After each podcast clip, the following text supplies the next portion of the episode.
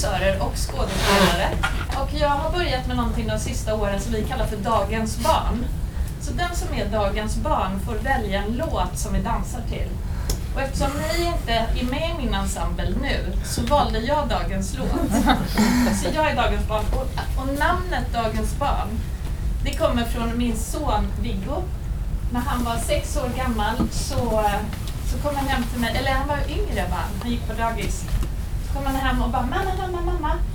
Jag var dagens barn idag. Idag var jag dagens barn. Och jag var så här, okej vad, vad var det liksom?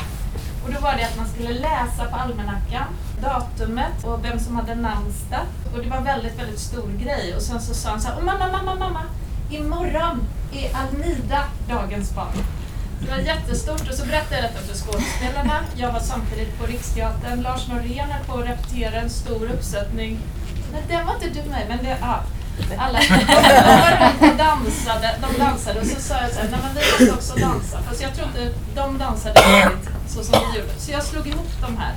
Så det blev Dagens barn. Så vi brukar köra det när vi har personalmöten också på Teaterhallen. Det brukar vara jätteroligt. Så nu är jag Dagens barn. Jesper, nu får du presentera mig. Jag till dig. Och då är det så här, regeln, regeln är man måste dansa. Annars får man vänta där ute.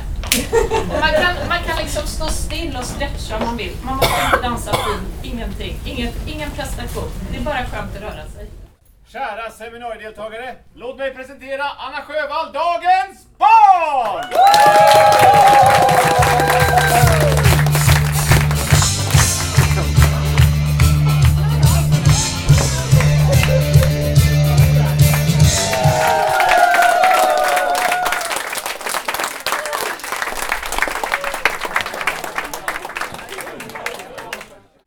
Alltså Anna Sjövall och eh, jag är regissör i grunden. Jag har jobbat med många som är här inne. Jag har rest runt på massa teatrar. Men som de, de sista två och ett halvt åren så är jag konstnärlig ledare på Teater Halland. Vi har ju pratat jättemycket på vår teater och jag vet att man har pratat väldigt mycket på många teatrar och skolor och sådär. Hur, eh, hur vi ska få trygga reprum, hur vi ska få eh, jobba bra tillsammans och så vidare. Vi brukar sätta upp spelregler. Så vi har kollationering, vi pratar konstnärliga frågor och sen pratar vi spelregler. Hur ska vi jobba tillsammans för att må bra ihop? Ja, men vad har vi för regler i rummet så att det ska kännas tryggt och, och lugnt och, och bra liksom. Det är jättemånga olika saker som gör att det blir kreativt i rummet tänker jag. Det är en sak, att det känns tryggt, att vi är lite medvetna om maktstrukturer i rummet och så vidare. Men sen är det ju andra saker som gör att när, när blir det kreativt? När vi jobbar tillsammans. Och då har vi pratat jättemycket i, i ensemblen. Varför är det så att vi ibland känner vi oss geniala? Ibland då, då bara det flödar på. Det, det går så bra, vi är så underbart bra. Vi får så mycket idéer. Och ibland så bara det låser sig och det går inte bra. Och jag tänker att det skulle vara spännande att få fatt i det. Vad är det som händer? När får repsalen liv? Vad är det som gör att vi ibland blir geniala tillsammans? Eh, och att det är fantastiskt roligt att jobba med teater. För det vet vi också hur fruktansvärt tråkigt det kan vara ibland. När, när, det inte, när man känner att man, ah, jag får inte fatt i det. Och det är ju så svåra frågor att prata om, hur gör man det? Och därför har jag bjudit in de här fantastiska personerna. Och jag är jätteglad att alla ni är här också, för jag vet att ni har, sitter på mycket erfarenheter och kan bidra mycket i samtalet också. Om vi låtsas att det är så, vi är klara med spelreglerna, vi är klara med maktstrukturerna, vi, vi är där vi vill vara. Vad händer sen? När blir det sådär spännande mellan de olika skådespelarna i rummet och mellan regissören och skådespelarna? Eh, så det är det jag tänker att det här samtalet ska handla om. Och jag har nämligen gett dem en första fråga i panelen. Kan ni beskriva en situation när ni var dåliga på jobbet? Vad var det som hände då? Peter, vill du börja? Ja, det kan jag göra. Eh, det, det, händer, nej, det är inte svårt. Det händer ganska ofta. Eh, Jag har varit ute ett tillfälle där jag kände mig otroligt dålig. Det här är väldigt länge sedan så det är preskriberat också tror jag. Eh, Då skulle jag spela eh, komedi. Eh, Och när vi började det arbetet i ensemblen så, så föreslogs det att vi skulle presentera oss inför varandra med att berätta eh, något roligt komediminne som vi hade varit med om. Men den där starten blev eh, eh, en utläggning på vem som hade längst meritlista, vem som kände vem och när man var ny i branschen som jag var så var det ju direkt dödande och hämmande. Jag hade liksom ingenting att komma med. Eh, sen tog vi in på, i repsal så tog vi in den attityden som jag hade haft från presentationen. Och det var ett arbete som styrdes av rädsla. Ingen, alla ville ju vara roligast såklart. Alla ville synas mest. Och eh, i det klimatet där kände jag att där försvann jag fullständigt. Vi gjorde allting utom att fokusera på det vi skulle göra. Det handlade bara om så att säga eh, bygga, bygga oss själva, sätta upp murar. Ett arbete helt styrt av rädsla. Där var jag urdålig. Eh, under varje föreställning så tänkte jag bara på att åka hem. Bara det kommer ett applådtack snart så vi kan lämna det här. Eh, ja, där var jag riktigt dålig. Skulle inte betala pengar för att se mig. Tack. Mia, när var du riktigt dålig på jobbet? Ja, men det blir så, jag tänker att, att eh, jag, jag tycker att jag nu efter 20 år jobbar med att liksom tänka att det är jätteokej. Och att det är en del av den kreativa processen. Så att, eh, och det är lika slitsamt ändå och det är lika jobbigt. Men jag tänker liksom att jag har normaliserat det mycket mer så att jag kanske liksom inte längre tänker att nu är det så, alltså, och jag ska därifrån. Utan kanske också så här, nu är jag dålig på jobbet, nu gäller det att stå ut. Så att, eh, det finns en dag imorgon. Ja, alltså, så att kanske att liksom de där situationerna, de och välkomnar jag nog lite mer nu och tänker att det är en del av liksom, hela kreativiteten. Att det inte är ett liksom, tillstånd kreativitet, utan det är ett arbete. Så att, ja, men berätta nu en situation. Det vill vi höra. Innan du kom fram till det här kloka. Ja, men alltså det, det finns ju liksom alla de här situationerna när man är dålig. Och framförallt tycker jag ofta att det handlar om kanske att man är mer i relation. Att man går över någon gräns, att man liksom säger något som inte borde ha sagts i den stunden. Eller att, man liksom, att det är det relationella som mycket mer låser än kanske det, det, liksom mitt hantverk på golvet som gäller då. Utan att hur jag är i relation med de andra. Att jag hamnar i försvar eller att jag liksom eh, de sakerna har jag ju gjort många gånger. På, på senast på scenskolan så brukar de ha så här check. Här? De vill ha check, check incheckning. Så här, man ska prata lite om. Och då har, då har jag från pedagog där med att jag ska fråga så här. Eh, ja, hur tänker ni nu? Ja, och varför gör ni det? Men jag säger bara, nej herregud, det får ni inte ha här. Sen efteråt kände jag så här, men varför var jag så... Jag blev liksom lite överrumplad och lite rädd och så backade jag inte upp och ställde en fråga istället. Det är så typiskt eh, när man kände så här, oj vad jag stängde det rummet. Det var ett otroligt dåligt val. Men i den situationen bara, herregud, det får ni göra någon annanstans. Petter, vad säger du? Ooh, det är mycket att ösa ur där. Nej, men eh, jag kommer ihåg en repetitionsperiod som var väldigt jobbig. Eh, det var liksom inte bra från början. Eller det började lite fint så här, men sen blev det bara liksom mer och mer svårt och regissören då var mer och mer osäker, om man ska säga, på sig själv och materialet. Tyckte inte om materialet från början. Hon, det känns som, som hen hade blivit satt på det där, liksom, någon sorts uppdrag. Eller det var. Så det slutade med så här kvartssamtal så här, mot slutet av repetitionsperioden. Där vi satt och var och en skulle prata ut med henne, eller hen, eh, i något rum sådär. Så det, jag känner mig som, jag inte, Men vad hände med dig som skådespelare när ni Ja, ja. repeterade då? Vad, Ja, vad, det, det blev läskiga var att det väckte någon sorts eh, liksom förakt, eller vad man ska säga. Alltså det väckte någon sorts förakt för det där svagheten i det. Det var ju läskigt. Otäckt att känna det där, liksom att man, någon som inte hade kontroll över situationen som skulle ha det. Att, att det liksom väckte någon sorts, jag känner mig eh, liksom, jag vet inte vad. Jag, jag, jag, jag blev helt obekväm i den här situationen i alla fall.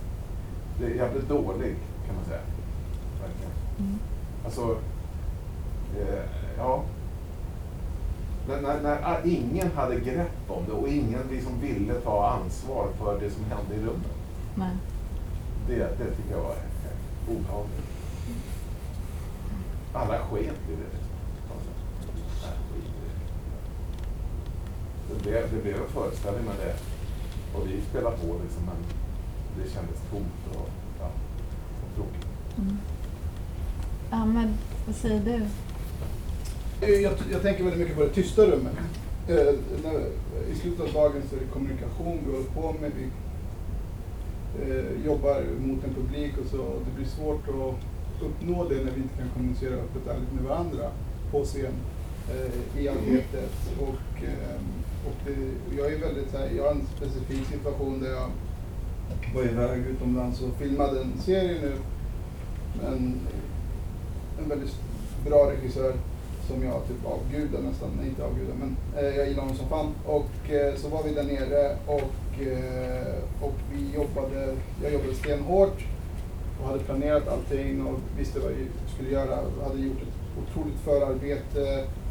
Kom jag ner dit och dagen innan eh, så går vi igenom scenerna med mig, motspelaren och honom och allting. Och, och alla bara, fan bra det här nu. Imorgon vi sätter den här på första, det är inget snack, det är så grymt. Vi kommer köra här. Så kommer vi på set och sen så kör vi det och bara, det är skit. Det funkar inte. Alltså det funkar inte någonting. Det var så fint för han kom in och bara, seriöst, om vi ska göra det här, vi kan lika gärna gå hem. Ja, vi kan gå hem. Det är skit. Och jag och min motspelare kollade på varandra och vi bara, vet du vad, han har fucking rätt. Och, det, och bara att inte ha den här prestationen och inte ha den prestigen eller stoltheten att vara öppen för vad som sägs, att inte ta det personligt. För hade, jag ta, för hade det varit personligt så hade jag inte ens varit där på set. Han hade inte ens valt mig, den regissören. Så det var så, det var, för mig var det uppfriskande att ha en sån regissör som bara, det här funkar inte. Och sen, sen bara, gör vad fan ni vill. Vi har planerat, jag har gett er regi, det funkar inte. Gör vad fan ni vill. Riv sönder köket, gör vad fan ni vill. Ta sönder kameran, jag skiter i de får ta på min lön. Jag bara, okej, fan vad nice, okej, då kör vi. Och det gick bra. Det gick bra och det var en av de bästa scenerna i serien. Mm. Ja, hur lång tid har vi? Nej, men alltså jag tänker lite som du säger eh, Mia. Att, Försök att hålla er till specifika situationer. ja, men det är det som är det svåra. Ja. Jag har jobbat på teatern jättelänge. Vi har en bra ensemble. Vi har, eh, vi har lärt känna varandra. Det finns en trygghet i ensemblen idag Mm. som gör att vi kan vara väldigt öppna. Jag kan vara väldigt öppen om det är någonting som jag känner inte funkar. Men den där känslan av dålighet, eh, det, det hänger oftast ihop med uppgiften. Om, om vi gör en linjär föreställning som är realistisk, då känner jag då, då blir det lättare att känna in var vi är. Men om man, ju svårare form det som vi gör nu i Alfred Agell, jag kan ta det som exempel eftersom vi spelar den här nu, så är det olika dimensioner. Det är i huvudet på Alfred Agrell och vi gör olika roller. Och då har jag en specifik roll som heter eh, Ellen Key. Det är mycket sentid men det är lite text. Och eh, när man har min, eh, alltså lite text, då blir det de som har mycket text, då, då rep, man, man repar mer. Det är mer legitimt. Man börjar med de som har text. Och har man inte text, då får man vänta in tills de börjar bli klara. Under den tiden så känner jag i alla fall, ja, vilken väg ska jag gå, vad ska jag följa? Eh, om då regissören inte har tid och på något sätt funkar det här, då, då skapas det ett mellanrum där jag antingen kan hantera det med att säga, ja men jag är fri att göra vad jag vill, jag kan prova vad jag vill. Men eh, man behöver ju också stämma av vad är spelbart och inte. Så där, där kan jag känna, där kan det uppstå en känsla av dålighet att jag inte hittar. Mm.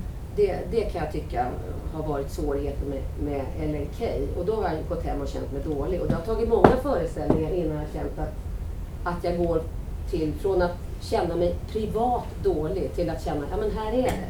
Så det är ju en process där man behöver också ha lite tålamod och eh, lita på sin egen kreativitet och känna, men här måste jag fortsätta arbeta. Men det är lättare att känna sig dålig tycker jag om man eh, jobbar i ett, i ett rum där det finns härskarteknik och, och det, finns, eh, det finns ingen respons och, och att man inte känner sig trygg. Då kan min dålighet komma. Men om, vi, om jag ska ta ett annat konkret exempel. Alltså clown, det trodde jag, det var herregud, det, jag såg ju framför mig en clown utan gränser. Jag skulle, jag, jag bara kände såhär, gud vad roligt. Ja, och så kom ju reglerna då. Som vi skulle. Och då blev jag alltså passgångare. Det kändes som att jag blev passgångare mentalt. Och eh, jag kände att jag skulle, det som jag tyckte att jag hade gratis inom mig, det skulle jag plötsligt paketera och medvetandegöra. Och det blev jättestressande alltså. För jag kände ja men herregud. Det här är någonting som jag, jag kände att det är någonting som jag redan kan i det intuitiva och publikkontakten och det. Och det där bara blåste bort. Därför att nu skulle jag räkna till tre, jag skulle göra om mina misstag. Och jag kände liksom att till slut så, till och med regissören blev lite orolig. Sådär. Och då kände jag mig väldigt, väldigt dålig. Och det var otippat. Och det bygger på att du ska, vara, du ska ju vara öppen, du ska ju följa dina impulser och du ska inte vara rädd. Och så. Men det här att paketera, alltså metoden blev ett, ett, ett, ett hinder för mig. Istället för att bara följa min intuition som jag någonstans Ja. har. Så att Ja. det, och det var nog förväntan på mig själv också. Men för clownen är det väl just det som är grejen ju. Att misslyckandet är det Ja. viktigaste. Precis. Och det, Det säger en av Sveriges mest erfarna clownskådespelare.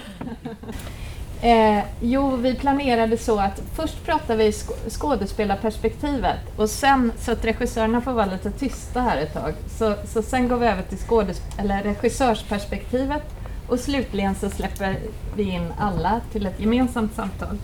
Och jag tycker att det är spännande att höra om det här när vi är dåliga, vad det är som händer. För jag vet eh, en av mina första produktioner när jag regisserade hur skådespelaren bara står, ah, säg vad jag ska göra då. Säg vad jag ska göra. Så, så gör jag det. Och jag blir helt blockerad. Jag, jag har liksom inga idéer helt plötsligt. Och det är väldigt spännande för mig att få höra hur är det på andra sidan. När, eller andra sidan, vi är i samma rum. Fy, nej. Eh, nej men så att det, det, det är intressant att höra när får vi fatt i det och när får vi inte fatt i det. Och då skulle jag vilja fråga er, vi behöver inte ta en i taget, ni får gärna fylla på. Men vad får er att bli sprudlande och väldigt bra? När Det- blir ni det? Jag tänker, så här, jag tänker att där är det väl, det är också sällan, men eh, det är väldigt många i rummet så att säga. Jag tänker att, att hitta det där eh, när man tror sig vara bra då, kanske. Det är ju den egna lilla resan på något sätt och det tror jag skiljer alla åt. Men för min del så måste det vara sådana ingredienser i soppan som till exempel att jag vill ha ett stort mått av delaktighet. Jag tycker det är kul så här, eh, vara med och hitta på. För får man hitta på det man ska göra, tänker jag, så då blir man nyfiken och intresserad och då, då är det lättare att gå iväg åt det hållet.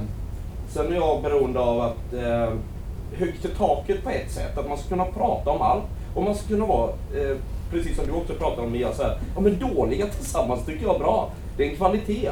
Och det är, det är skönt att vara dålig om man sätter sig i det själv, eller om man blir gisslantagen dålig, som min upplevelse var från den hemska komedigrejen så att säga. För det, i det dåliga finns något bra. Jag, där, där mår jag bra och tror att eh, jag kan bli åtminstone lite sprudlande om jag fått vara dålig först. Om jag får vara med och äga projektet. Det är jätteviktigt att jag får vara med och äga projektet. Eh, så att ingen säger åt mig vart jag ska gå eller stå, för då blir jag arg istället. Och det handlar ju om, jag tror att jag hade någon brytpunkt i, i yrket där jag kände så här, "Äh, fy fan vad det är tråkigt med teater. Det är så tråkigt. Eh, Jag måste hitta någonting annat. Och, och för min del var det så här, det handlar om hitta på-vägen. Få vara med och äga projektet. Eh, annars hade det nog tagit slut där tror jag. Kan det, men det är ju lite så här, jag tänker att det beror lite på jag jobbar på en teater och jobbar med ganska många olika estetiker och olika tillvägagångssätt. Liksom. Så varje material och varje projekt har ju liksom sin, sin kreativa process. Men det som jag tycker är, alltså jag tycker att skådespeleriet handlar om att hitta liksom största möjliga frihet inom begränsningar. Och att det är liksom, och att de här begränsningarna ska spelas med största, det ska göras till största nödvändighet och sanning liksom för en själv. Så att få tydliga ramar och vara med och förstå hur de ser ut, det tycker jag gör mig lite mer kreativ. Det nästan läskigaste jag vet är bara gå upp och göra något. Utan vad är det? Liksom att det finns en slags ram, eh, liksom ett kontrakt för vad är det? Och då kan jag känna mig jättedelaktig om det är så jag ska ställa jag ska ställa, duka det här bordet. Men, men liksom ramen och att det är det som jag är med och skapar. Så det tycker jag är en jätteviktig ingrediens för, för många. Mm. Mm. Jag tycker det där med att bo, liksom bonda med regissören är intressant. Liksom att få en så personlig kontakt så här, med regissören, att man har lite skämtsam ton med att man liksom eh, det, det, kan vara, bli ett problem om, eh, eftersom man ofta då i den grejen utesluter de andra lite grann. Och då blir det lätt så att det blir lite, lite hackigt och lite tråkigt till slut för att det blir det riktiga, liksom, våran kontakt eller sådär. Och, och det, det, det, man tänker liksom inte på det när man gör det eftersom man mår bra. Man, man tycker det är kul och man tycker att det går skitbra det här och att det vad bra han är eller hon är och sådär. Va? Och, ja, det, det, jag vet inte. Är det någon annan som har någon sån känsla ibland? Att den personliga kontakten tar ja, över ja, liksom och, och skymmer sikten? Det är så, ja. Ja, alltså det, det beror på om det är en person som har den kontakten, men inte de andra. Ja. Då kan det bli liksom... Eller andra har andra sätt att jag arbetar på också.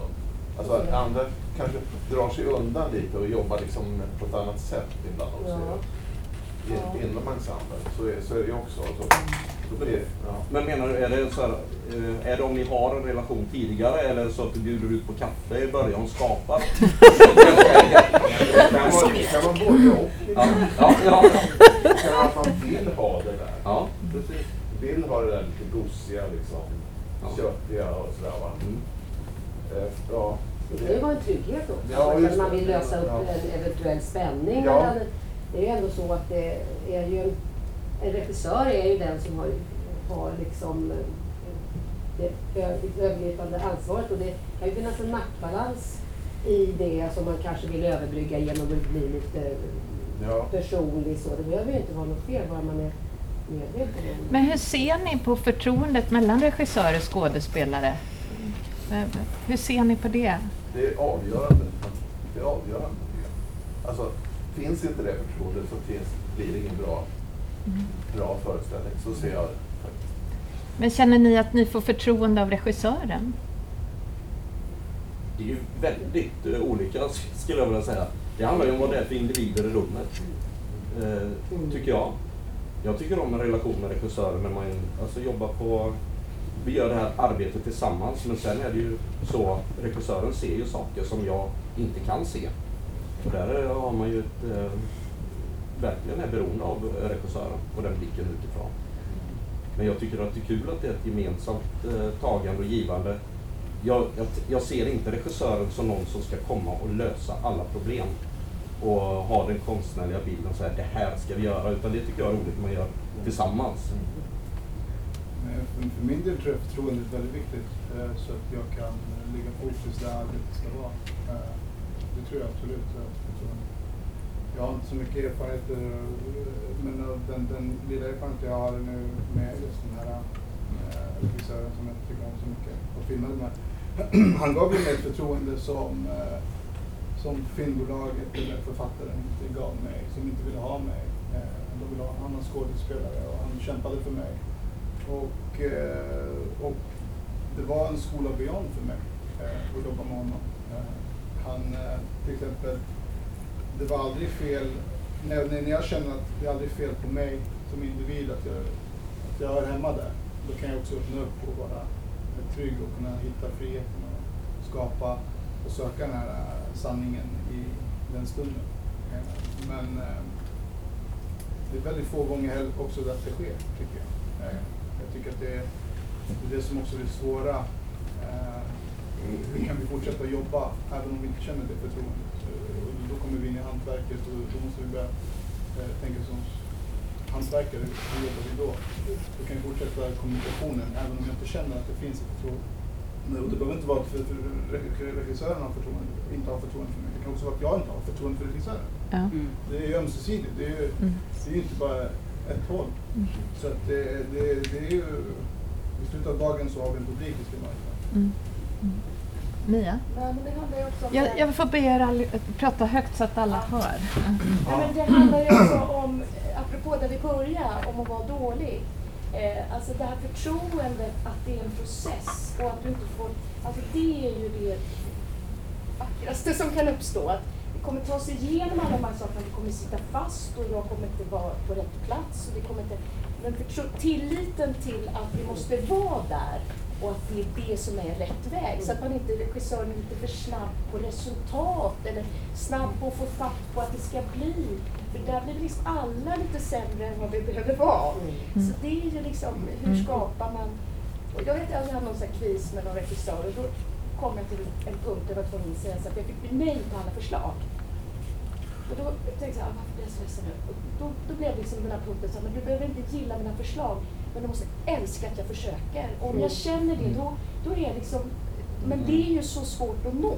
För det är där vi liksom mäter varandra. Men kan man komma dit så har man ju så mycket av liksom det konstnärliga resultatet att vinna.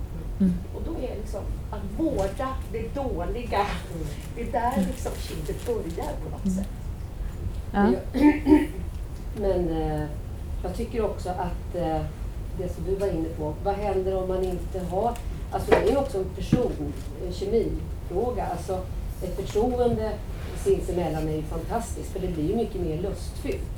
Men det är ju också så att det har varit någon gång där man ändå måste göra arbetet. Och det jag känner de gångerna, det är att jag ändå, jag försöker lita på mig själv och känna att jag jobbar lite mer självständigt. För att det, blir inte, det går det också, men det blir inte lika roligt. Så jag försöker att inte ta det på mig själv, att det bara handlar om mig. Men hur gör du för att få fatt i din kreativitet då? När du känner att du inte får det av rummet eller regissören eller kanske dina medspelare. Hur gör du då, rent konkret? Ja, jag funderar på den där frågan, kreativitet. Och eh, kreativiteten kan jag nog känna, den har jag alltid. Antingen i ett lustfyllt eller i ett skräckslaget räddningsförsök. Att lösa Vad sa du? Skräckslaget räddning? Kreativiteten, antingen att lösa något eh, konstruktivt eller att i panik lösa någonting som inte funkar. Och då går hjärnan på högvarv och då pratar jag högt och säger att det funkar inte, jag måste pröva. Nej, men, och så går jag runt och så, så försöker jag liksom hitta andra vägar. Så, tills jag på något sätt hittar någonting. Jag, jag, jag, får jag inte den tiden där så tar jag den tiden här. Mm. Så att kreativiteten tror jag finns hela tiden. Men det, det är när lusten försvinner, alltså smörjmedlet i, Mm. i kreativiteten. När den försvinner, när jag känner att jag blir tung och jag, att jag inte hittar, jag får inte respons eller jag hittar inte i situationen. Jag tycker inte att situationen är löst. Jag ska pröva någonting som jag känner, det här funkar inte, men, och jag vet att det inte funkar, men jag ska pröva ändå. Och jag vet att när jag inte kan formulera varför det inte funkar, Mm. då blir det jobbigt. Men sen när jag kan formulera det, Mm. då vet jag oftast att, ja, men, att jag ändå har kunnat förklara varför det inte funkar. Mm.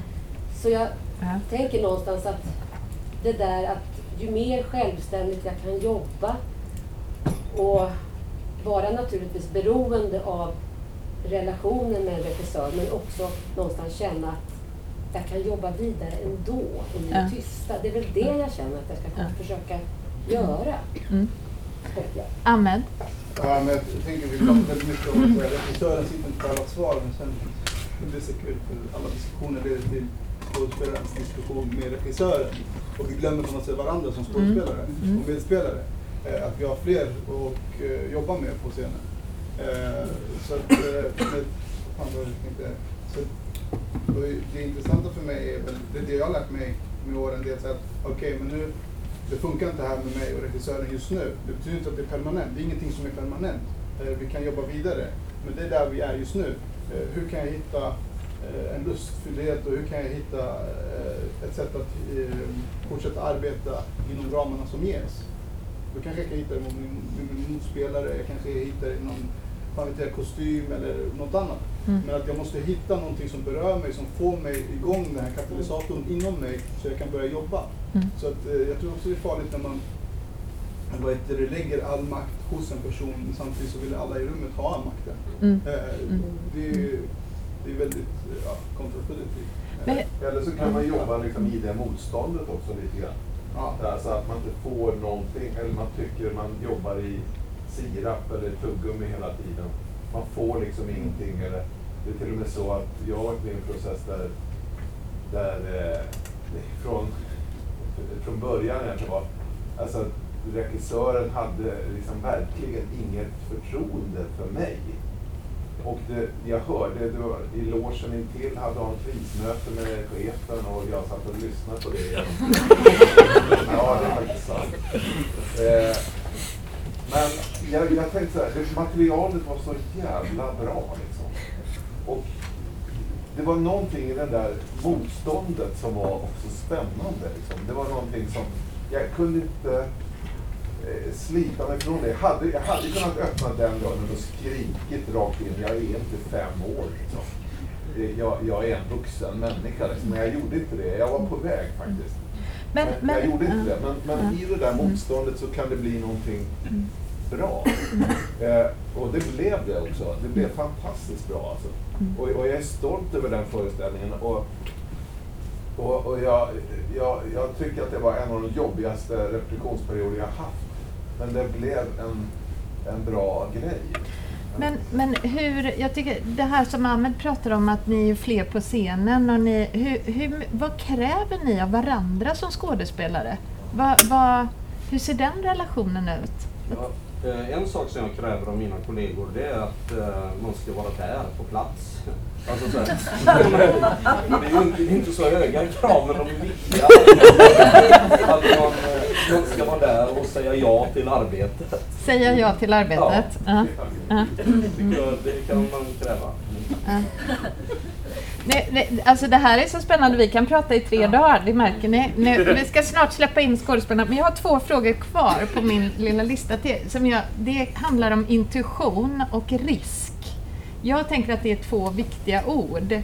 Va, va, hur reflekterar ni kring de orden i ert skådespeleri? Gisela?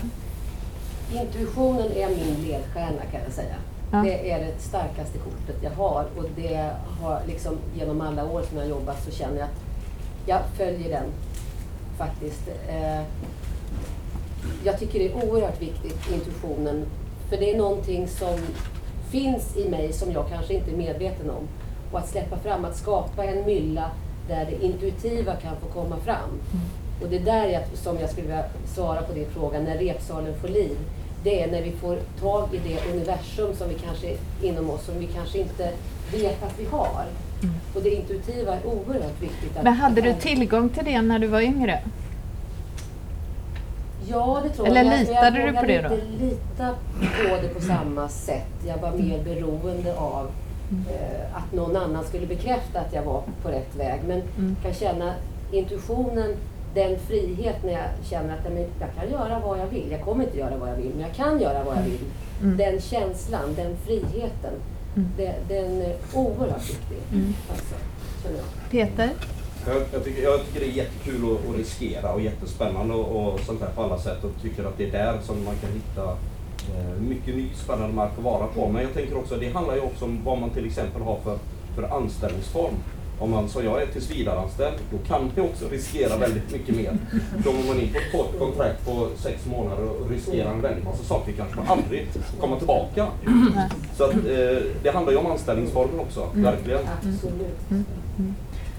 Ahmed, vad, säger, vad tänker du kring det här, intuition? Litar du på din intuition? Eller har du liksom formulerat det för dig själv? Mm, det är en bra fråga. Jag tror att jag eh, följer väldigt mycket intuitionen. Eh, jag vet inte hur jag skulle formulera det. Men eh, jag... Eh, man känner när saker och ting är rätt. Eh, jag, eh, jag är inte... Jag har försökt att jobba väldigt mycket med hantverket i sig. Men det har aldrig varit för mig den drivkraften. Jag, jag ser många skådespelare som är väldigt tekniskt skickliga och man bara wow, men de är väldigt tomma. Eh, de berättar mig inte någonting. Eh, så att, eh, så att jag har väl jobbat mycket med att försöka gå åt annat håll och hitta andra sätt att jobba. Och där har jag hittat någonting som just nu har jag, är väldigt flummigt, men jag pratar mycket om själen. Någonting själsligt, det är någonting som är eh, mycket David Stellard pratade om, den skolan, som inte är method acting, vilket vi i Sverige tror att det är. Eh, det var en motsättning till method acting, eh, en kri- kritik till method acting. Eh, så att, och som också fick kritik för att vara teatral. Så att, så att det, det är något annat där. Att, det sker väldigt ofta att min intention försvinner också när texten bara ligger i fokus. Mm. Vilket den, jag känner att det gör väldigt mycket på teatern. Mm. Mi- Mia, hur tänker du kring intuition? Och, längre... eller risk? Du kanske vill prata om risk? Ja, börja med- Eh, Nej, men, eh, det är väl det där att när man har jobbat ett tag så tycker jag nästan det är svårt att veta vad som är intuition och vad som är erfarenhet. Mm. För den liksom eh, jobbar ju samtidigt så det är ju inte att intuitionen inte är kunskapsbaserad eller erfarenhetsbaserad.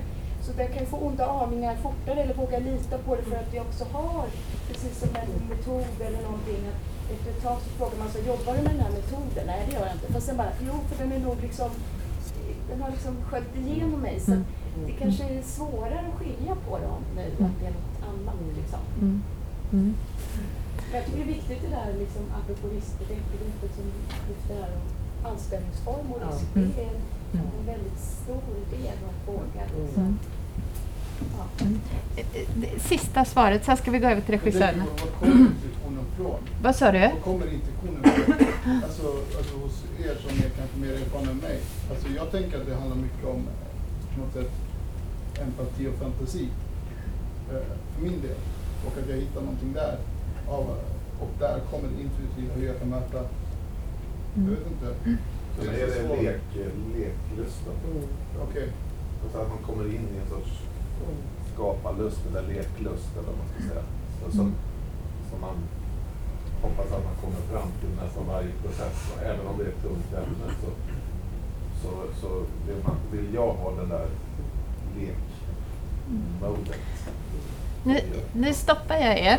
Så nu vill jag lyssna på regissörerna. Vad, vad, när blir ni kreativa? Vad, vilka komponenter är viktiga för er? Anna, vad säger du? Kan vi inte få börja med att säga när vi var dåliga? Ja, det ska vi göra. Ja, jag glömde det. Förlåt. Ni ska också börja. Visst vill ni höra när de är dåliga? Ja! Det är det bästa. Ja, Anna, berätta när du var dålig. Jag vill bara säga jättekort, jag ska komma in på varför jag är dålig. Men eh, jag är ju ehm, eh, doktorand inom konstnärlig forskning på halvtid. Och, eh, eh, då är min, eh, min frågeställning är så här, hur kan man skapa ett expanderat utrymme för skådespelares kroppsliga impulser? Och med det då så tänker jag att det är väldigt lätt, som ni har varit inne på också, ham- att det är väldigt lätt inom talteatern hamnar i en litterär tradition. Och då tänker jag att vi kopplar på vänster hjärnhalva och börjar sköta saker logiskt istället för att man kanske skulle också, jag skulle kunna säga då att för mig är intuition kopplat till kropp till kroppsliga spontana impulser. Och när skådespelare börjar använda sina kroppsliga spontana impulser så är det väldigt mycket som löser sig i, i repetitionsrummet, typ, tänker jag. Eh, när, vi slut, när vi inte bara, sen kan man diskutera, om, jag menar inte att man ska inte respektera texten och så vidare, utan bara att idag tycker jag att det är en obalans, att det inte finns utrymme för det. Men jag gjorde en, en, eh, en stor uppsättning på en stor teater i Sverige och eh, tänkte just som Mia var inne på med de här ramarna då, så här, hur skapar jag ramar för att aktivera skådespelarna? Det vill säga, eh, och då tänkte jag så här, vi gör manuset tillsammans. För det här manuset tyckte inte jag var spelbart, det var en spännande historia men det var inte spelbart så som det var skrivet idag. Eh, och då försökte jag skapa de här ramarna på olika sätt. Och vi, jag och kostymören fyllde repetitionsrummet med olika kostymer. Och vi, det fanns hoppmattor och det fanns både det ena och det andra i det här rummet. Och eh, det slutade med att skådespelarna blev helt passiva. Ehm, och eh, vi hade väldigt lång, jag hade bett om en väldigt, väldigt lång repetitionsperiod. Så det blev jobbigt för både dem och mig. Eh, I och med att vi inte kom vidare helt enkelt. Eh, och vi kom verkligen inte vidare skulle jag säga. Alltså vi, jag drev eh, eh, repetitionerna framåt men jag kom inte åt kärnan av. Jag ville ju, hela projektet var gjort för att de skulle bli kreativa, att de skulle använda sina spontana impulser, att, att de skulle vara med och skapa hela den här föreställningen och materialet och så vidare. Men det blev inte så. Eh, så att istället så fick jag baxa projektet och de tyckte att det var oerhört jobbigt, tror jag. Det var ett stort misslyckande för mig, för, eh, för att jag insåg, jag insåg en massa saker. Som doktorand hade jag enorm nytta av det efteråt. För det har ju förändrat mitt sätt efter det att, att skapa metoder. Men, men det var inte roligt då. Det som, vi kom också in ganska tidigt på scen. Eh, och då, så ham, då blev jag den här regissören, mardrömsregissören. Eh, nidbilden av regissören som flyttade högre och högre upp i gradängen. Som till slut satt med en mikrofon så här. Eh, kom in till hö, ja stanna där och så vänder du om och nu så sätter vi på filmen. Så, här. så var arbetet i slutet. Eh, så det, det var då var jag jätte, jättedålig. Men det intressanta var att sen kom jag till ett, eh, en annan, ett projekt direkt efter det som var precis tvärtom. Jag hade, jag hade spelat in en film som en skådespelerska skulle förhålla sig till. Och jag bad om ursäkt och sa till henne att du, du kommer inte kunna vara med nu så mycket liksom, i den här processen utan det kommer, du, hon var tvungen att tajma sina repliker mot filmen, mot den inspelade filmen. Och då så sa hon, nej men du behöver inte be om ursäkt, jag tycker det är jätteskönt att ha den här filmen. Jag tycker att det är jättekreativt att börja med den här filmen. Och då sa jag till en annan skådespelare på den teatern som jag kände så här, "Det är en jättekonstig skådespelerska. Hon tycker att det är kreativt att ha en film att börja med. Det är väl jätte... Och då svarade han, jag skulle också vilja ha en film eh, i början av repetitionsprocessen. Eh, och då, då kunde jag koppla ihop de här erfarenheterna och förstod någonting mer om de här ramarna. Men bara som en slut, ett slutord om det så tänker jag att det är det där, hur mycket ambition man än har som regissör så är det ju så svårt att veta vilken ensemble som vill ha vilken typ av ramar. Det är nästan omöjligt skulle jag säga att, att tillfredsställa en ensemble på det sättet. Det måste nästan skapas tillsammans. Ja. Det är fina, fina slutord tycker jag. Mm. Olof, vad säger du? Jag brukar börja arbeta med att man sitter ner rätt länge, ofta handlingsanalys, att man jobbar ihop sig. Och i ett arbete så säger en skådespelare, det här är ingenting för mig. Eh, det här eh, det gör mig bara låst. Om jag ska bestämma saker innan. Och, och jag försöker säga, nej men det är inte att vi bestämmer, det är liksom en ingång. Nej, jag är inte med på det arbetet. Och då blir jag så låst av det så jag bestämmer att det gör vi i alla fall. Här är det faktiskt jag som bestämmer. Så vi sitter, tror jag, drygt en vecka, en liten grupp där en sitter så här utanför. Bara sitter med. Och,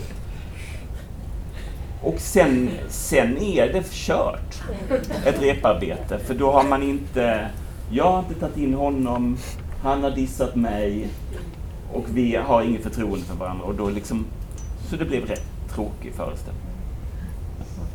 Misslyckande. Får jag ställa en snabb bara fråga på det? Vad skulle, du, vad skulle du göra istället då, om du ändå vill ha den här veckan för det här arbetet? Jag tänker jag måste skita i veckan. Alltså, den är inte, den är inte intressant. Utan jag måste säga, ja, men du vill vara med i det här arbetet. Vad är du med på? Nu, men nu får vi bryta allting. Vi ska jobba tillsammans här. Vad vill vi ha för regler? Öppna upp taket liksom. Och, och, och säga också från mig, jag tror inte jag var ärlig heller, att jag sa, för mig är det här jätteviktigt. Det här är jätteviktigt att du är med. Och att just du är med är jätteviktigt. Och du får vara på din premiss, men du är viktig för mig. Så han kände sig negligerad av mig också. Våga stanna. Våga säga, men nu stannar vi till lite. Hur ska vi ha det här? Jag tänker att det är en jätteviktig grej för det är den där rädslan, man får den där panikgrejen och då fattar man, då råkar man säga saker som man inte kanske har tänkt efter eller känt efter om, om det är grundat i en. Ja. Karolina, vad säger du? Har du någon situation när du har varit dålig på jobbet? Väldigt många situationer har jag. Jag varit det. Jag just tänkte på det, vilken typ av dålighet ska jag välja? Liksom? Nej, men när du har känt att jo, du... men jag, jo, men alltså, Ja. jag förstår Mm. frågan. Det är bara liksom att jag sitter och funderar på det. För att jag tycker det finns olika typer av upplevelser att vara dålig. Liksom. Antingen så är det en, en öppen situation i rummet, så att säga. Där man kan, där, där, där man kan känna liksom, i rummet att man är dålig. Så. Eller så kan det ju faktiskt vara så att man går runt och känner sig väldigt dålig själv. Medan alla andra eh, tycker att man är helt okej. eh, faktiskt. Och det är en ganska plågsam situation också. Eh, det där med att känna så här, det här, kommer, det här har blivit fel från början. För mig har det här blivit fel från början. Och det har inte så ofta så mycket med relationen i rummet att göra. Eh, jag tänker på en gång till exempel när jag sa ja till att göra ett pjäsmaterial som jag liksom inte fick någon som helst relation till eh, ens när jag läste det liksom första gången och inte andra gången och inte tionde gången heller. Och jag sa ja ändå eh, till att göra det där. Och jag begrep mig aldrig på varför sa jag ja. Liksom. Och jag kände mig dålig hela tiden. Och det fanns ingen jag liksom kunde diskutera det med därför att det var liksom inte, jag hade ju fattat ett felaktigt beslut från början på något sätt. Så det var liksom inte möjligt för mig att vara öppen med så här, nej alltså jag är ju fel person här nu. För det hade ju skapat en kaossituation liksom för övriga. Så det är ju en typ av dålighetskänsla som, som tog ganska lång tid att komma över. Liksom, och där jag tänker på det som ni pratar om kring intuition, hur otroligt centralt det är, eller erfarenhet eller att vara jag tänker så här, uppriktighet med sig själv. Liksom. Att på något sätt gå räfst och rätta ting med sig själv. Vad är det som får mig att välja ett material? Vad är det som får mig att gå igång på någonting? Liksom?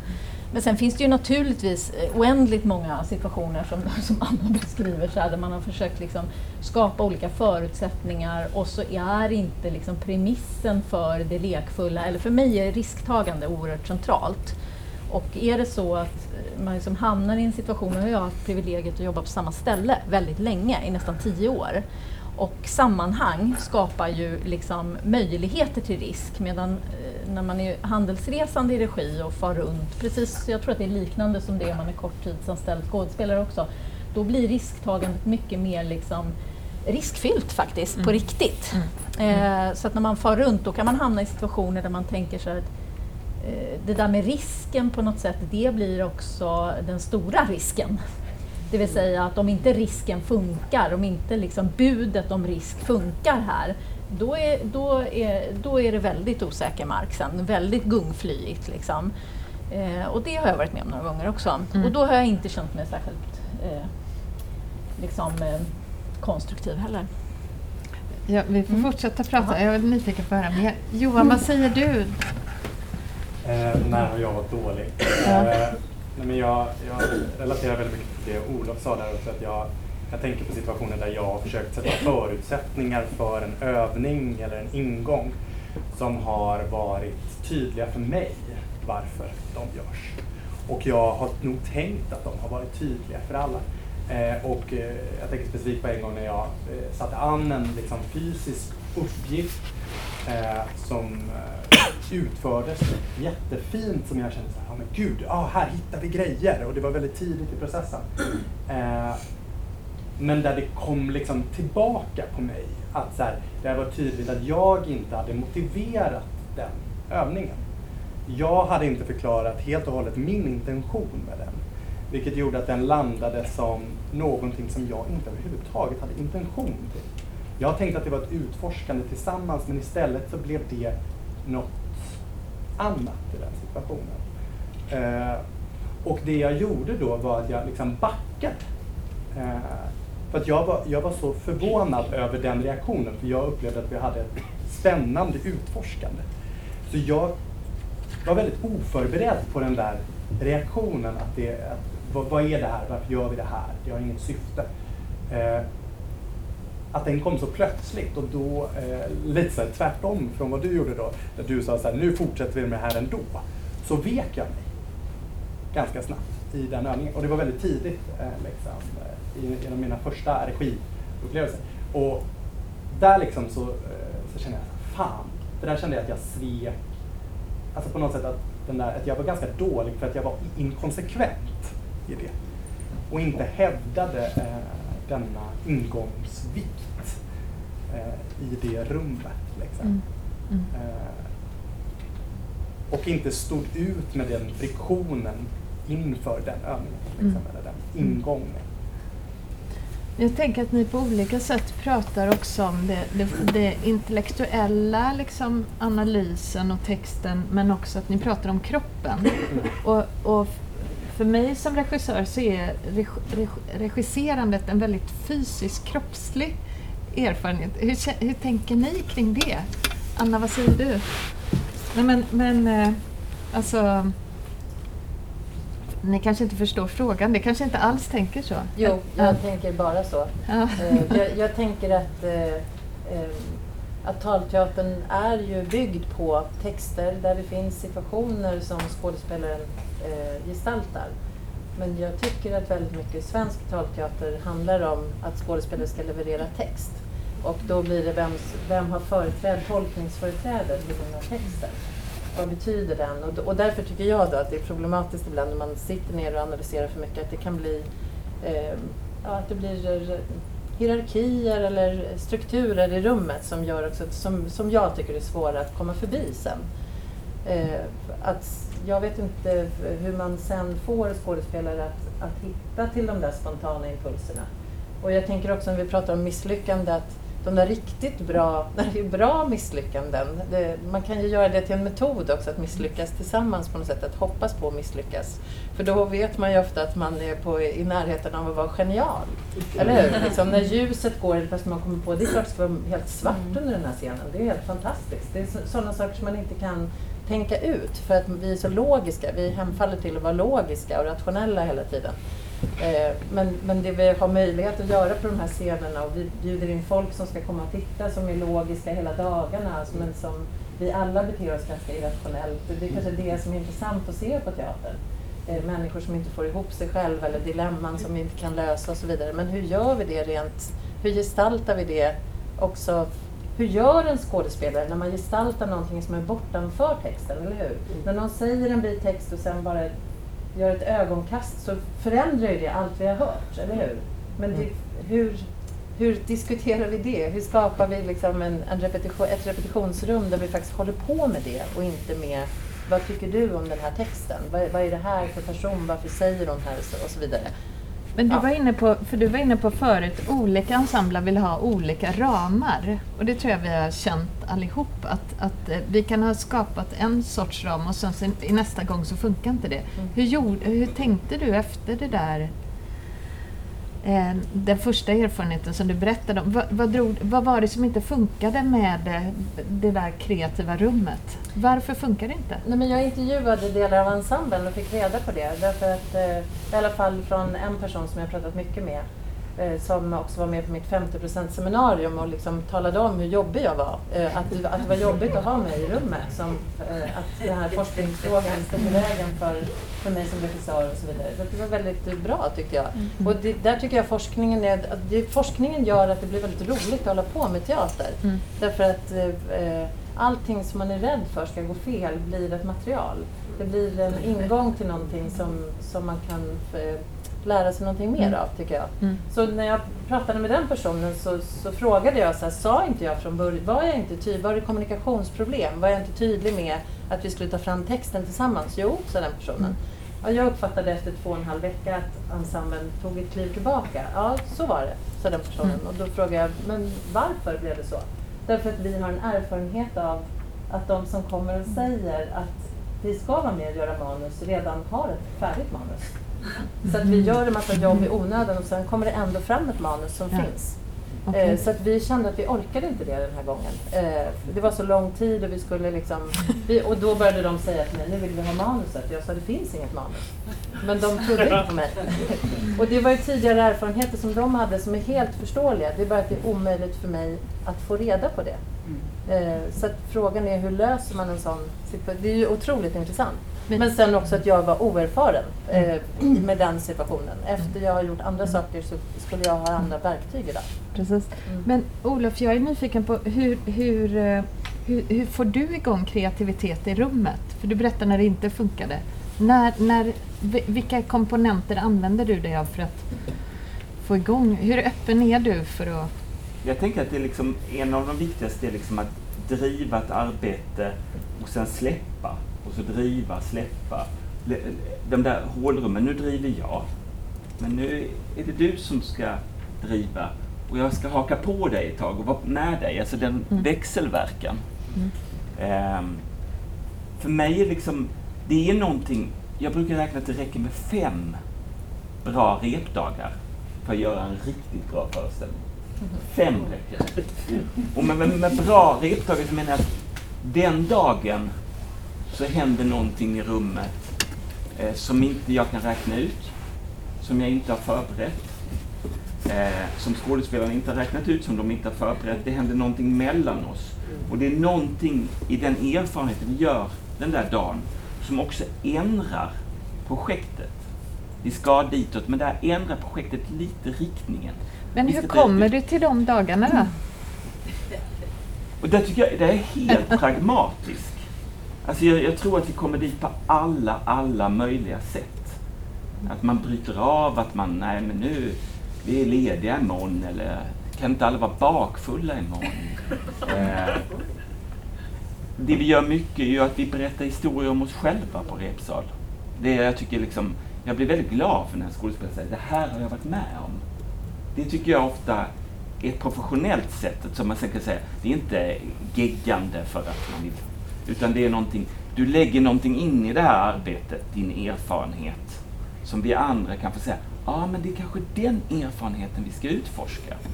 Ehm, så alla sätt skulle jag vilja säga, Mm. tänkbara. Ja. Hur- Carolina, hur, hur, eh, hur öppen är du för andras kreativitet i processen? Och hur är du öppen? Ja, eh, alltså utifrån mitt eget perspektiv, jag kan ju bara prata utifrån mitt eget perspektiv, så, så är ju andras kreativitet en förutsättning för min egen. Liksom.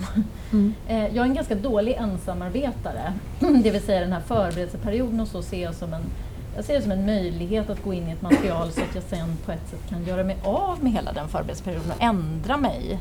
Liksom, det har ju hänt väldigt många gånger och händer oftare och oftare numera och det uppskattar jag väldigt mycket. Eh, det här med att liksom förändra, förändra, förändra, förändra, utveckla, komma på nya saker. Det är precis som, som, eh, som Anna, eh, en gemensam käpphäst vi har, väldigt, väldigt, väldigt intresserad av situation och mycket, mycket, mycket mindre intresserad av text. Mm. Jag tänker att text är underordnad situation för annars blir ju teater en litterär genre. Liksom. Utan att för den skulle förolämpa någon dramatiker. Liksom. För att det är inte det det handlar om för mig. Utan det handlar om vilken typ av överenskommelse man har i ett samarbete om man jobbar med en levande dramatiker. Jobbar man med en död dramatiker som Anna ofta gör till exempel. Eller som en, så, så, så behöver man ju inte riktigt ha den hänsynen om man inte är väldigt liksom, andlig och tror på någon form av så närvaro. Eh, men, men jag tänker så här, eh, eh, det handlar väldigt tydligt om överenskommelser. Situation tänker jag är teaterns hjärta, liksom, det är den absoluta brännpunkten och det är det absoluta nuet. Liksom. Eh, precis som du sa, du började med att fråga det här med, med repetition som en fysisk praktik. Ja, absolut. För mig är det absolut liksom nödvändigt att vi först gör en gemensam erfarenhet i rummet. Det vill säga jag sitter aldrig ner i början i princip. Det är knappt så att man läser pjäsen. Liksom. Mm. Och sen upp direkt. Göra, testa, pröva liksom. För att få en gemensam erfarenhet. Framför allt om det är människor som man inte har träffat tidigare och vi inte har jobbat tillsammans. Liksom.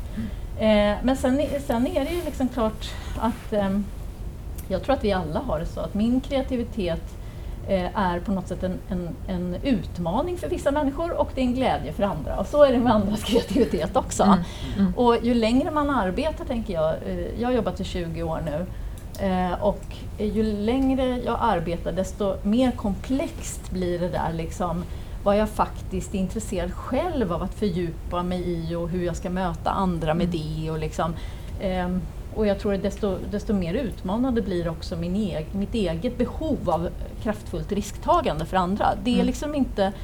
Och jag har fullt, full förståelse för att alla vill inte vara med om det faktiskt. Mm. Alla vill inte vara med om det risktagandet som jag ibland vill göra. Liksom. Eller har inte samma synsätt kanske på vad en premiär innebär för någonting.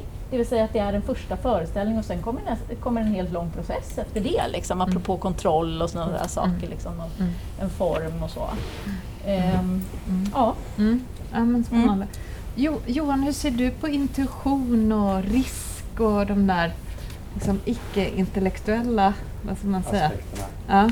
Men jag satt och funderade på det innan. Så här, alltså, för mig är så här, eh, hela mitt så här, skapande liksom, eh, tycker jag är liksom, i en spänning mellan så här, analys och intuition.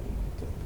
Alltså där, eh, där analys, tanke, liksom, reflektioner eh, bygger en grund för mig där min intuition ska studsa på. på något sätt. Eller det som ni pratar om, ramar. Liksom. Vad är det för ram? Vad är det för värld vi gestaltar? Och den, om de ramarna är ty tillräckligt tydliga och liksom, eh, om den är formulerad på ett skarpt sätt så märker jag att det sätter igång min intuition. Och då kan jag liksom följa med min intuition upp utan att nödvändigtvis, det är inte att jag vet vart den är på väg. Men när jag kommer dit så kan jag liksom bygga på min analys från den. Mm. Och liksom hela tiden vandra mellan punkten av så här att liksom, ja, jag vet vad jag håller på med, kontroll, struktur, da, da, da, da, da. Och sen totalt släppa. Och bara svinga ut. Mm.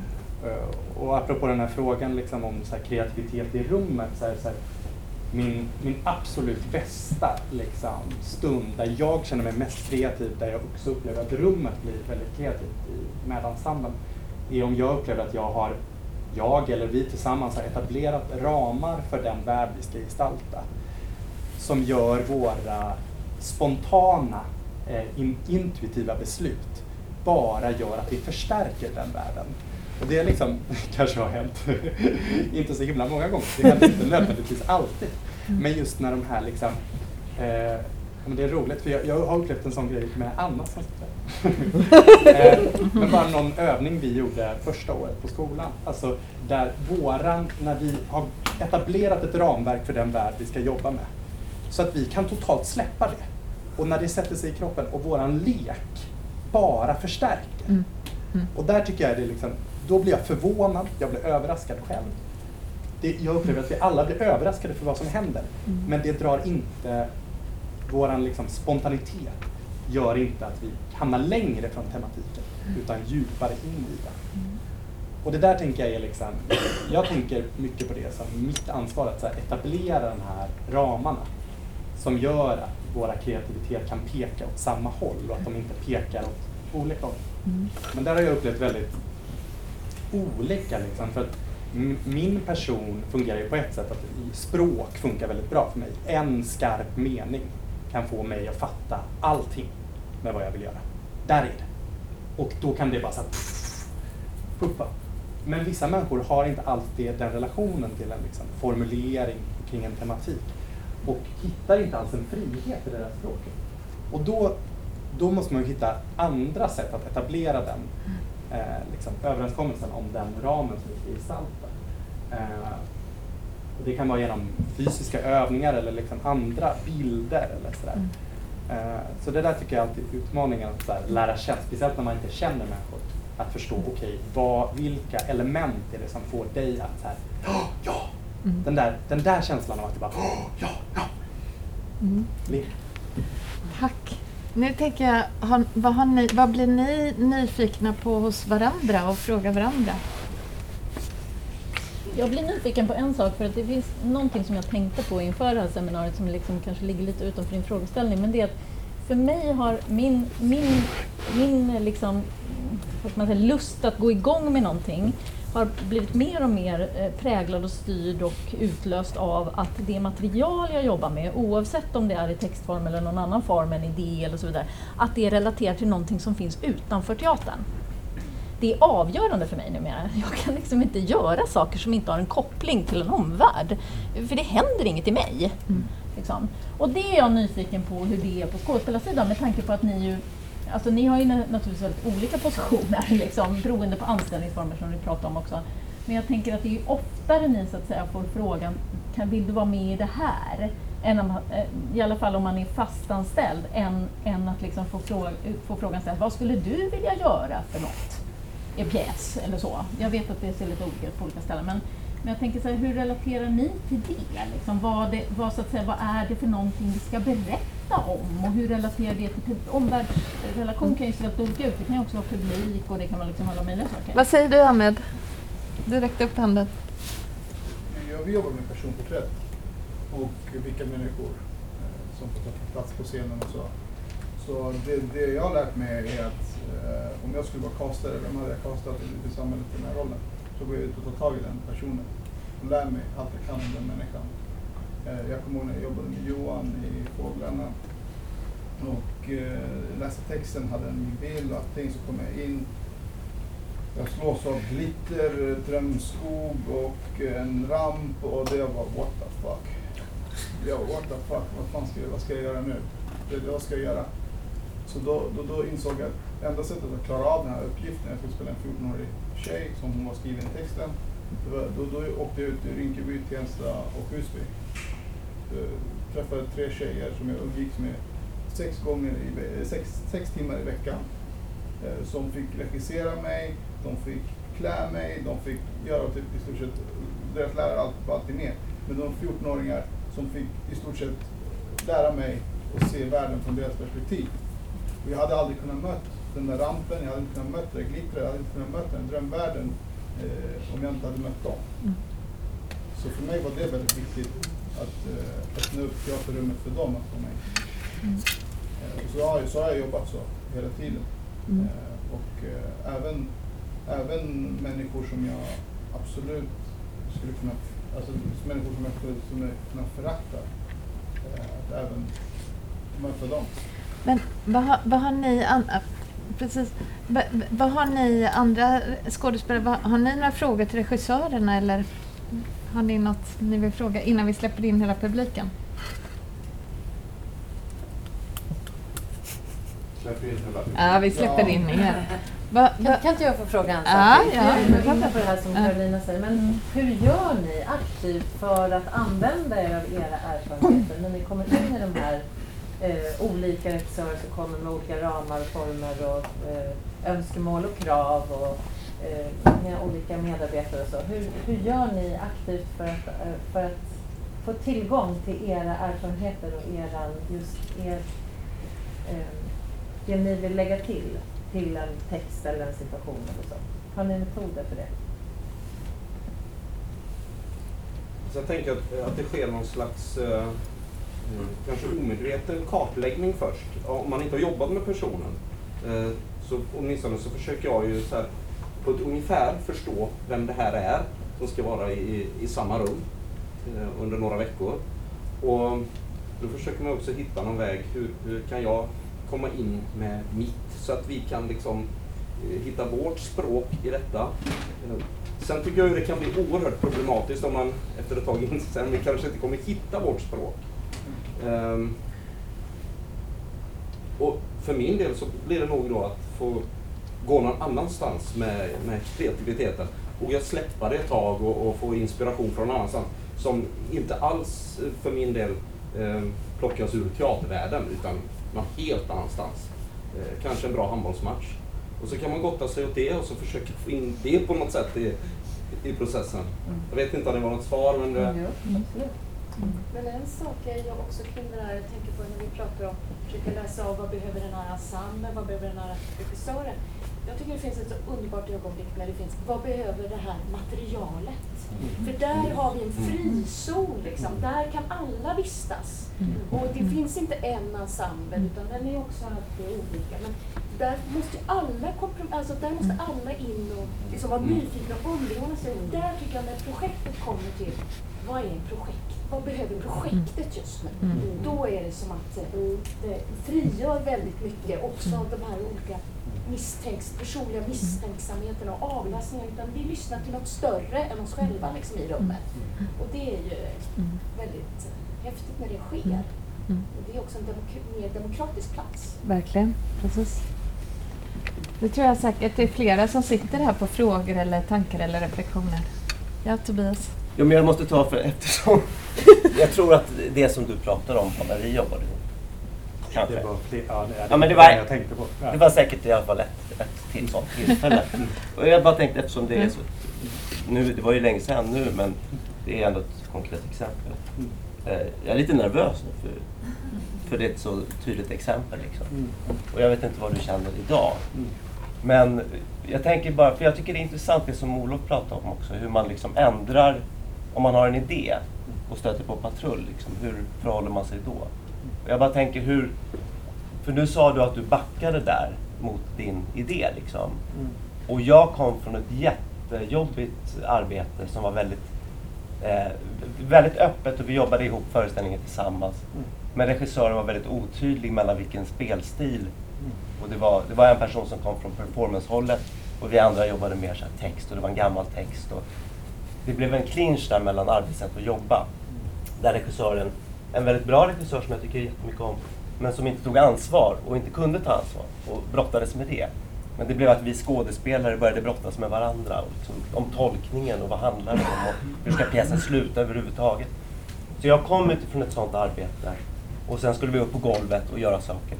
Och för mig blev det lite som de här som Anna beskriver, att vi, vi fyller rummet med massa saker, kreativa saker. Och jag kom dessutom senare in i arbetet. Liksom. Eh, så för mig blev det så, jag förstod inte övningen och jag kände mig också lite utsatt i den. Alltså jag, jag eh, ja, det kändes obekvämt, jag kände inte de andra skådespelarna. Liksom, och vi skulle ta på varandra. Och, ja. eh, och då sa jag ifrån, och det tror jag är första gången jag har sagt ifrån som skådespelare.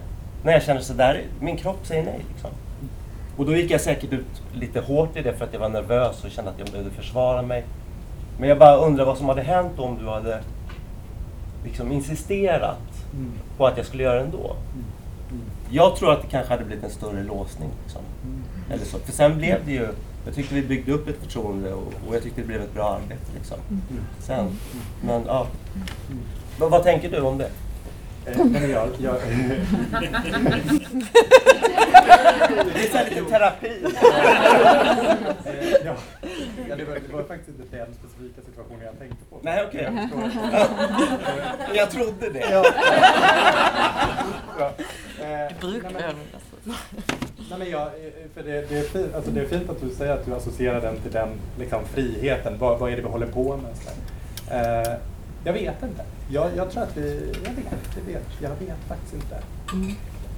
Vi, vi går vidare. Det var någon fråga här nere. Ja. Ja, men jag undrar lite grann till det du sa att, att eh, projektet är det viktiga och det centrala och sådär. Jag undrar hur ni, vem som helst av er ser på andra funktioner på repsalen. Deras vara eller icke vara och ni pratar mycket trygghet och sådär. Vad liksom, ja, hur, hur ser ni på dem?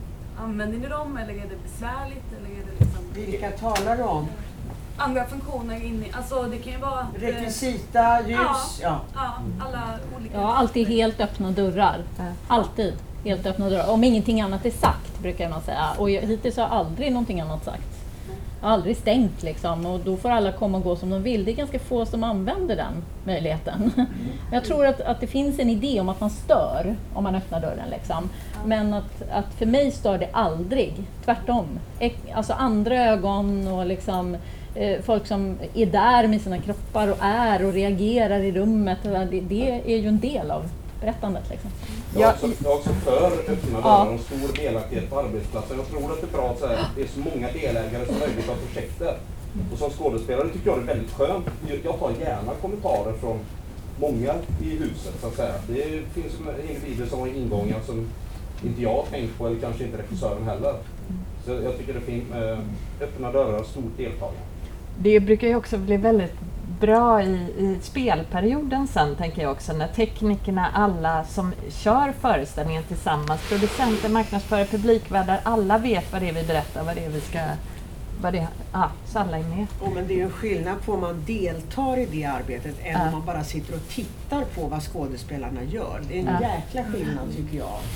Och det kan vi gå in på. Men vet du jag vad- står inte på talarordningen. Jag... Nej, nej men det, jag tycker det är en viktig grej för, Mm. för det är faktiskt en sak som vi brukar prata om i våra spelregler.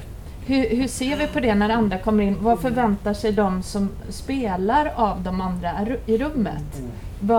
Ska man säga tack? Ska man säga hej då? Be- Ska man säga något? Ska man inte säga något? Det är ju super, det är en jättestor fråga att prata om tänker jag. Får jag säga en liten sak om det? Ja. Jag har haft stängda dörrar. Det är kanske Hurra! provocerande att säga det. Nej, men för att jag tänker att vi inte har haft tid att diskutera med alla yrkeskategorier just hur vi ska förhålla oss. Och då har jag tänkt att, att det också kan vara en lyx för skådespelarna att få en eller två veckor själva eh, att utforska någonting i ett rum där man inte går in i de roller som man lätt gör på en stor teater när många representerar. På den teatern så satt det hur många som helst satt med på repetitionerna och vi, det var inte uttalat hur man förhöll sig i rummet till det vi gjorde. Så då bad jag om två veckor och det blev en jätteprovokation. Fick jag höra sen. Det, blev, eh, det, blev, det var många som reagerade väldigt starkt på det. Jag tänker att sto, storlek på teater är såklart avgörande. Vad skulle du säga Anna? Nej, jag tycker att det är För vi har en viktig skillnad. Jag har ett exempel när vi gjorde ett moln i byxor med Vola Kirklio en gång för många år sedan där hon tog in hela verkstaden, alltså alla som skulle jobba med produktionen skulle vara med första repveckan. Konkret, vi läste texten tillsammans, snickare, målare, skådespelare, alla kunde ha synpunkter på texten. Vi gjorde övningar, tomtesmyg och ja, ni vet allt som man gör. där. Alltså alla, tekniken och verkstaden var med den veckan. Det talas fortfarande om det på den teatern. Att det märktes på föreställningen att alla kände sig delaktiga. Men att från det till att sitta på stora scen och en regissör har sagt till en massa andra personer som inte står på scenen att komma in och titta, som sen sitter och säger men de är ju hopplösa. Alltså det, det är en väldig skillnad, Det är en väldig hur, man, hur man öppnar den där dörren. jag. Absolut, det För tänker jag. delaktigheten är inte bara jag får gå förbi om jag vill. Det, det är någonting annat så att säga. Det, det, absolut, det tror jag. Ja, Jag, det var jag bryter en lite så att vi hinner fler. Jag hade egentligen samma sak. Moa vet att jag är scenmästare på Folkteatern. Ja. Alltså just också hur man bjuds in i hela tematiken från början. För att vi är ju en grupp tillsammans som ska klara av den här föreställningen. Jag tror att det trygga rummet handlar ju om alla andra som är utanför, eh, som inte står på scenen också. Som ibland glöms bort helt enkelt. Och det behöver inte vara att man behöver sitta på repetitionerna men man får vara med i tematiken på något sätt. Eller om man har någon slags ingång där alla är inbjudna där också man är, har tid, har lagt tid, inplanerad produktionstid för de här grupperna att få vara med. Precis, Eh, absolut. För att Mm.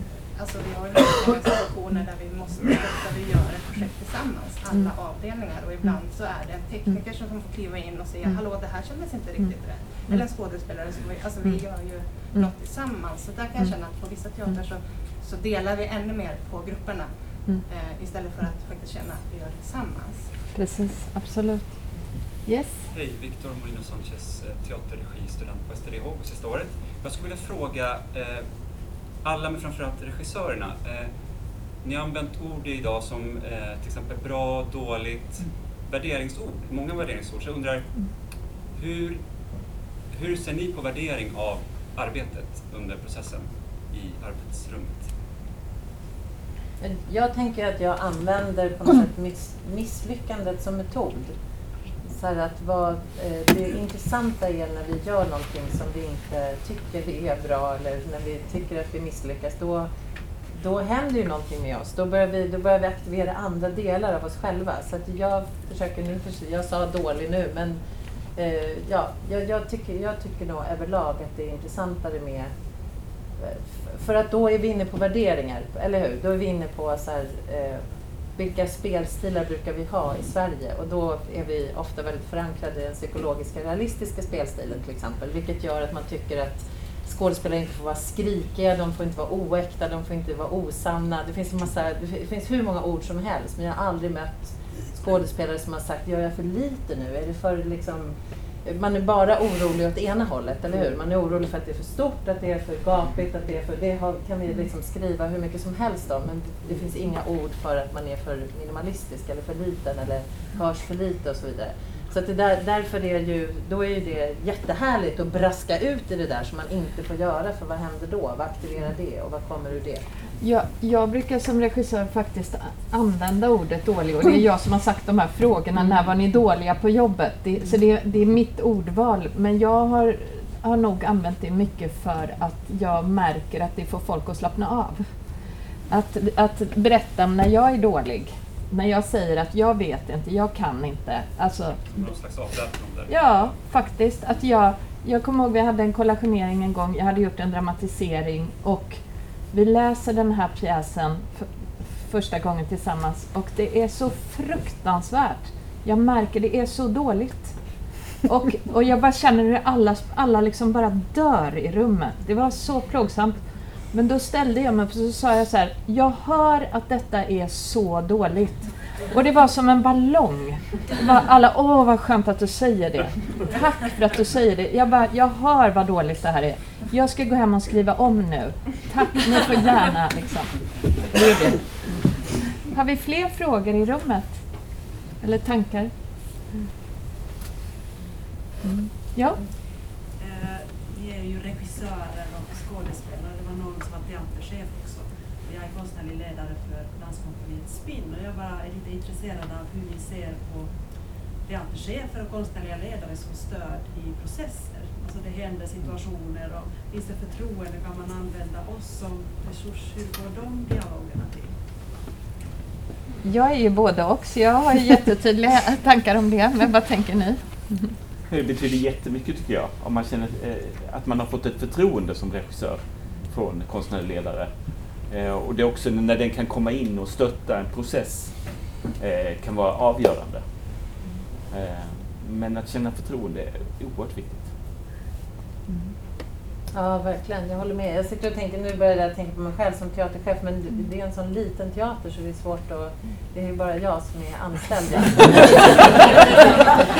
Skådespelarna som kommer in är verkligen projektanställda, så det är svårt att svara på i, i mitt eget fall. Men eh, ja, jag har haft... eh, Det är en enorm skillnad när man kommer till ett hus, om det en stor institution, om det finns eh, om det finns någon där som man går och pratar med. Det är också skillnad på eh, när man känner att, att här, den här institutionen är, står bakom det som man har sagt att man vill göra där. Eh, för att då genomsyrar det hela huset. Annars är det ju sådana tysta överenskommelser som ofta styr skådespelare som, som inte regissören kommer åt, tänker jag. Eh, Hinner jag berätta bara säga en sak? När jag kom till ett, en stor institution så sa någon till mig i korridoren så här, ah, eh, jag hörde att du skulle jobba eh, experimentellt och undersökande, vad roligt. Vi hade ett sådant projekt här för två år sedan och det blev ett misslyckande. Och det visste vi redan två veckor innan premiären. Och då tog jag med mig det här så att när vi hade kollationering så berättade jag det här för ensemblen. Det var någon som sa så här till mig i en korridor, kan inte vi ha det som en fråga fram till premiären? Vem är det i det här huset som bestämmer vad som är ett misslyckande? Mm. Är det teaterchefen, är det regissören, är det era kollegor eller är det recensenterna eller är det någon annan? Dramaturgiatet eller vilka är det? Eh, och då berättade de för mig att de sa så här, det, det, eh, det känsligaste ögonblicket är ett par veckor innan premiären då vi har provföreställning. Eh, och då släcks det ner i salongen och så smyger, av tradition, så smyger kollegorna in och även teaterchefen utan att tala om att de är där. Eh, och så blir det paus och då smyger de ut och sen så efter paus kommer de tillbaka och eh, skådespelarna vet inte vilka som är där. Det är den föreställningen där alla dragkedjor blir fel, man missar sin entré och man glömmer text. Och all, det, det är då man är som sämst, liksom, därför att ingenting fungerar. Eh, och sen kommer man då till kantinen och då ser man i ansiktet på de man möter eh, om man är med i en succé eller eh, ett fiasko. Och det behöver inte ens vara de som har varit och tittat utan de kanske bara har mött någon som har sagt eller oj oj oj, ni vet sådana. Så antingen möts de av ja vad kul, grattis eller åh. Eh, jag ska säga någonting om det där du säger också, för jag är inne på din linje där. Att det, men jag skulle vilja säga så att det är viktigt att man upplever att en, en konstnärlig chef eller en teaterchef eller vad det nu är för titulatur, att den personen stöttar projektet. Kanske inte individerna eller liksom specifikt mig eller specifikt någon annan, utan det är själva projektet som sådant. För att jag tycker det blir vanligare och vanligare på något sätt att man undrar efter ett tag som regissör, men vänta här nu, är det jag som liksom ska, ska förklara varför teatern gör just det här projektet här och nu? Är det jag som har det ansvaret här nu? Nu har ju jag till i november varit teaterchef själv också, så att Eh, jag kan se problematiken i det där. Liksom. Men, men samtidigt så finns det någonting med att verkligen stötta projektet, alltså i produktionen, idén om berättelsen snarare än individerna i och, och sätta den i en kontext på just den här platsen. Liksom. Att vi gör det här för att vi gör också det och det och det och det och det här kompletteras si eller så eller det här är viktigt av det här skälet och jobba på det här sättet är viktigt på det här, av det här skälet. Alltså det vill säga skapa en kontext både kring arbetssätt och innehåll och publika perspektiv etc. etc.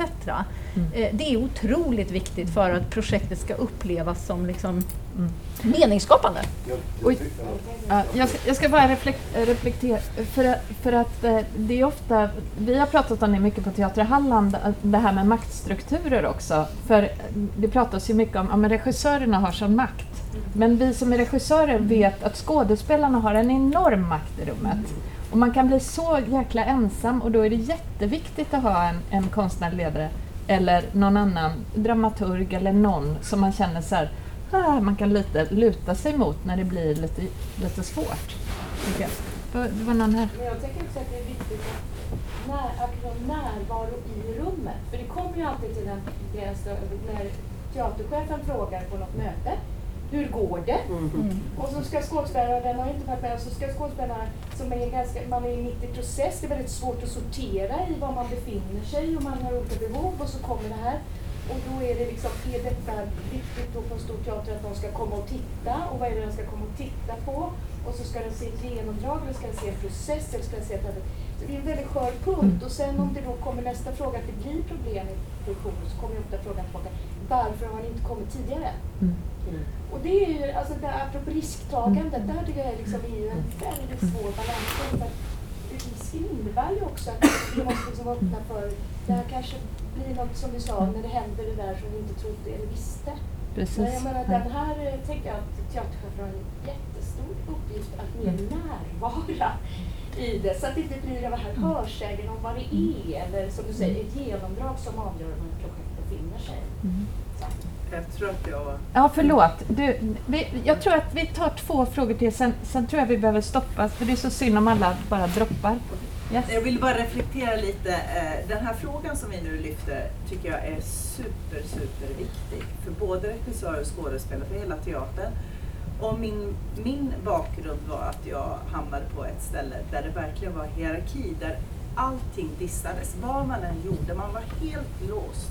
Nu var jag väldigt ung, och precis nybakad. Och den skolan som man fostrades i där, man kan ju nästan inte begripa hur de kunde överhuvudtaget åstadkomma någon teater. Och så tänker jag nu att vi sitter och pratar om det här nu.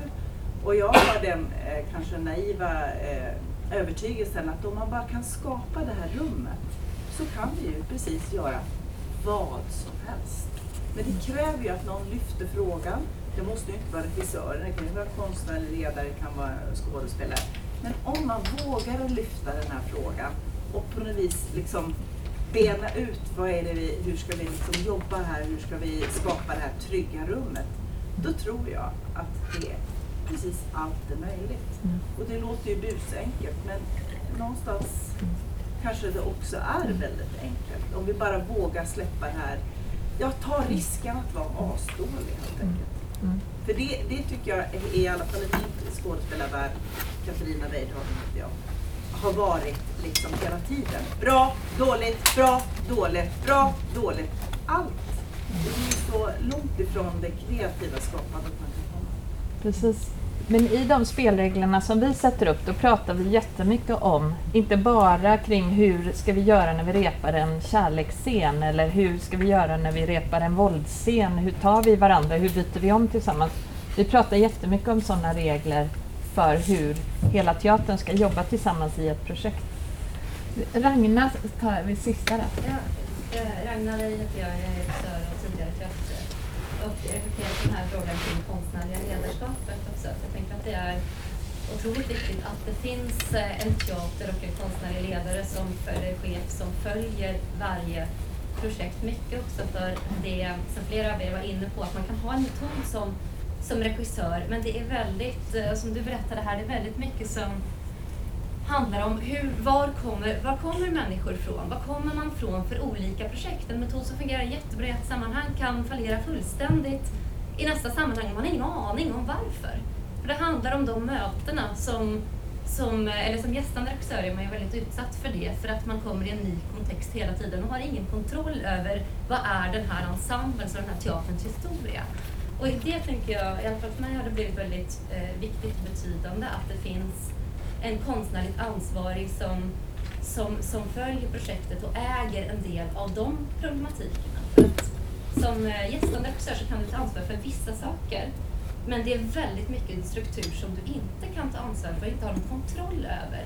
Och öka kanske medvetenheten om de här två olika eh, ansvaren som man har för struktur. Den arbetsledaren som är regissören och den som äger teatern. Men jag tänker faktiskt också att vi som regissörer har ju ett ansvar att träffa skådespelarna innan, prata med dem, träffa den tekniska personalen, försöka. Vi kan inte förstå allt, men vi kan ju försöka förstå så mycket, lära oss, eller liksom göra research om, om, om eh, vart, vart ska vi komma, liksom, vad har de gjort? Men eh, eh, tyvärr så måste vi sluta nu, men jag skulle bara vilja säga jättetack och jag eh, det som jag berättade allra först, den där, mitt allra första minne av eh, när jag kom in på en stor institution och, och, och då de som, de som man kände var de gamla drakarna, de som hade så här jättehög status och var så här, de, de som var så där fantastiska. När jag inte var det. Och de som bara, säg vad jag ska göra då, så gör jag det. Eh, den paniken som det väckte hos mig, där jag blev så totalt blockerad i, och jag fick känslan av att jag har ingen fantasi, jag har ingen kreativitet, jag har inga idéer.